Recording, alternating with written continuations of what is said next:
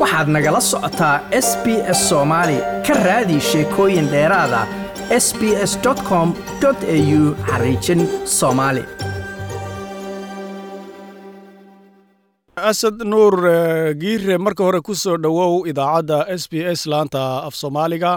Marka xigta idaacaddaad la soo xidhiidhay adoo arrin kaga dhawaajiyey ka jirta dhanka iyo dowlad deegaanka soomaalida dhanka etoobiya si gaara gobolka city bal marka hore dadka dhegaystayaasha si kooban bal noogu qeex waxay tahay.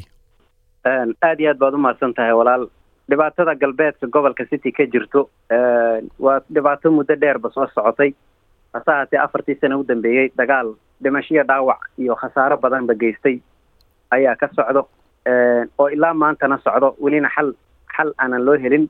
Dad rayda oo shacab oo soomaaliyeed oo ku dhaqan galbeedka gobolka city ayaa maalin kasta weeraro joogto ah lagu hayaa ay ku hayaan ciidamada maleeshiyaadka iyo liu booliska deegaanka canfartu. Dowladda dhexe ee etoobiyana wax ay ka qabatay ma jirto. Indhaha ayay ka fiirsanaysaa bis dowladda deegaanka soomaalida ee dadka shacabka ee soomaaliyeed mas'uulka ka ah iyaduna sida oo kaleeto way ka gaabisay.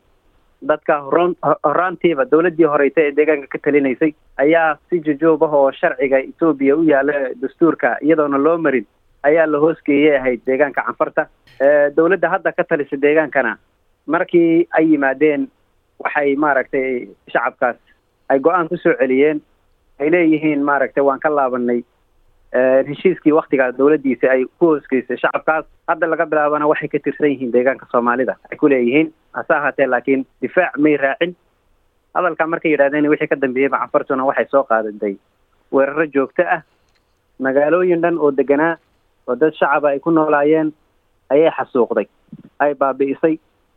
Cidna isweydiinin meesha dad baa lagu laayana la odhan. Adeecad laga sheegin dowladda dhexe etoobiya iyo dowladda deegaanka soomaalidu intuba mas'uuliyaddaas way ka gaabiyeen. Asad dadka dadka weeraraya aad sheegtay yay yihiin. Ma dad maleeshiyaadahoo iska hubaysanbaa cafartaba ha ahaadaane mase waa ciidamadii ismaamulka cafarta? Yaa dadkaas weeraraya oo laynaya waa dowladda canfarta ee deegaanka canfarta shacab ku ahaataya jabhad ciidankeyga gaarka ah. Kullu intuba dagaalka way ku wada jiraan waa dagaal aan odhan karno saddex geesoodka canfarta eritrea iyo jabuuti iyo ls inta etoobiyaba ay ka siman yihiin ayna hadafkooguna yahay dhul inay raba dhul inay qaataan dhul inay helaan.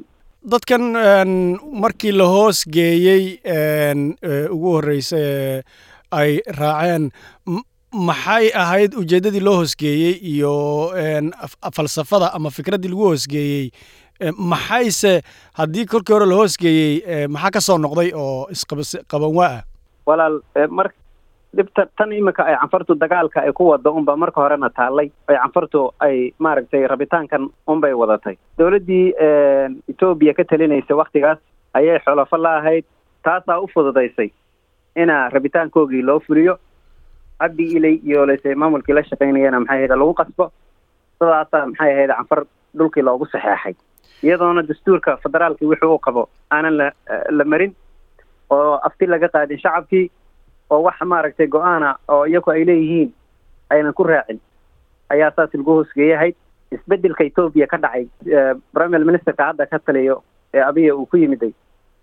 Waktigaa wixii ka dambeeyey ee dowladdii deegaankana isbedelku ku yimiday isna sidoo kale ayuu shacabkiisi gadooday u mudaharaaday shacabka intii afar afar sanay ku jireen ismaamulka canfarta ay ka tirsanaayeen tacadiyo badan iyo dhibaato iyo layse maaragtay horumar la'aan madow bay galeen. Halkaas halkaas madowga ay galeen iyo dhibaatada ay muteen wax tafaasiila oo markii hore inta lagu heshiiyey markii dambe ay amaba loo sheegay markii dambena ay waayeen miyaa jiray? Ha waxaa jiray qodobo ilaa labiyo toban qodob ah oo waxaa ka mid ahay dadkaasi inay afkooga wax ku bartaan af soomaali inay wax ku bartaan ciidan booliso oo soomaali ah oo ka dhex shaqeeya inaa loo qoro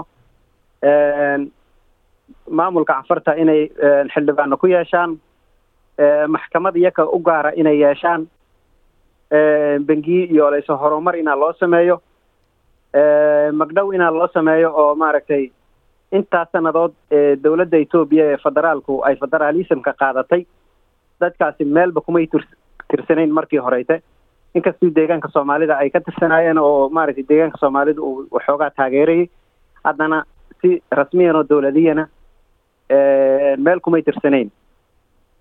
Marka waxaa la yidhi magdhow ayaan inii sameynayaa intaas sannadood oo muddo ilaa saddex iyo toban sano ah waktiga ahayd ayaa la yidhi xuquuqda ay heleen shucuubta etoobiya ee kaleyte ee ininku aanad helin ayaan ini siini iskoolaan ini dhisi fiican waxbarashaad helaysiin caafimaad fiican baad helaysiin ballanqaada noocaasa dadka loo qaaday. Marka marka maxaa ka soo noqday ballanqaadyadii de walaal waxay ku dambeeyeen wixii ay haysteen baaba maaragtay farooga ayaaba ka baxay. Iskooladii yaraa ee marka hore ay lahaayeen ayaa xidhmay.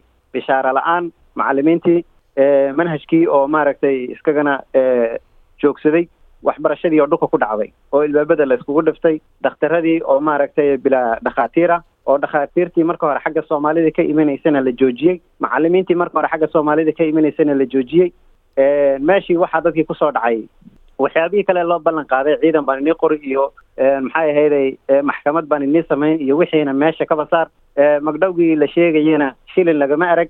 Marka taasaa dadkii kiciyey. Taa waxaa weliba u dheeraa inaa maaragtay qaarkood intoo la xidhxidho oo dhulka canfarta la geeyo lacag looga soo furto oo la soo iibsado dib loo soo iibiyo dadkii. Hadda dagaaladii cusbaa ee maamulkan ra'isul wasaare abiye uu waday tigraaga ay ku qaadeen kadib dagaalada dhexdooda ayay arrintani haddana cusboonaatay oo hawshani cusboonaatay. Marka taasi mal wax lugay la lahayd dhinacyada ishayey dagaalkan etoobiya hadda ka dhex qarxay tigreega iyo dowladda federaalka ah ka horba sannadkii laba kun iyo sideed iyo toban dhammaadkiisii ayuu shacabku maaragtay sameeyey mudaharaado mudaharaadadii kabacdiba canfartu waxay kaga jawaabeen qori iyo xibad halka maalinta laga soo bilaabo ilaa maanta dagaalkii sidii buu socdaa. Maantadaa la joogo meesha madana la yidhaahdo iyo meesha cayrkaa la yidhaahdo dagaal baa ka socda oo dadkii shacabka ee xoolo dhaqatada ahaabaa saaka la soo weeraray.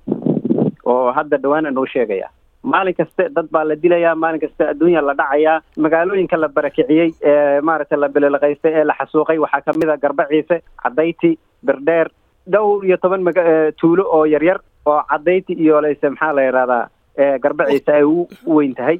Waktiga waktiga wixii ku noolaa iyo iyakiiba la xasuuqay. waktiga aada noo haya hadda wax dhanka maamulka dowlad deegaanka aan dhahno dhanka dowlad deegaanka soomaalida wax iyada dhankooda ka socda oo waxqabada ama hawl ah ama waanwaana ama dhan ciidana maxaa xaggaas maxaa wax ka jira ka soo socda? Walaal dhanka dowladda deegaanka kolley soomaalidu matatoli waxa la yidhahdaa jiro matatoli ba iyag iyay u eg yihiin. Wax way jiraan oo way joogaanoo ciidan dhulka waa la geeyey hadda laakiin ciidan dagaalamaya oo dadkii difaacaya ma meelay joogaan waxay ku leeyihiin amarna ma haysano. Marka taasi ma waxay ka dhigan tahay federaalka ay federaalka ayaa amar siinaya oo macnaha aynan haysanin inay maadaama goobahan la yidhi waa gooba cafara amar uma haystaan inay macnaha galaan ama ay shaqa hawl ka qabtaan. Walaal meelihii hore ee layskuba haysta intii canfarta lagu daray ee la yidhi intaasa canfare la yidhiba way soo dhaafeen oo iminka waa gobolkii city gudihiisa waxay ku dagaalamayaan canfartu ay dhex joogaan waa tuulooyin calankii deegaanka uu ka taagan yahay. Weeyaan waxaa hadda maxay ahayday la iskuba haysto. Kuwii horeyta waaba la soo dhaafayba dhulkii shishe ee deegaanka canfarta lagu daray markii hore la yidhi waa la soo dhaafay hadda. Marka waa qaybo dhan oo gobolka city ka tirsan waxaa hadda la qabsaday. Dowladda deegaankuna way ka gaabsanaysaa way halkaa maaragtay mas'uuliyad darro weyn ayaa maaragtay iyaa ka muuqato. Dadkii shacabka ahaa abaaraha ku dhacay abaaraha maaragtay baabi'iyey dagaal iyo colaadaaba baabi'isay ayaa ka dilaacay aad baad u mahadsan tahay kaasi wuxuu ahaa asad nuur giire oo la soo xidhiidhay laanta afka soomaaliga idaacadda s b s uguna warramayey dhibaatooyin ka jira gobolka city ee dowlad deegaanka soomaalida. Aad baad u mahadsan tahay asad. Ininkaa mudan walaal like aas la wadaag wax ka dheh lana soco barta facebooka ee s b s soomaali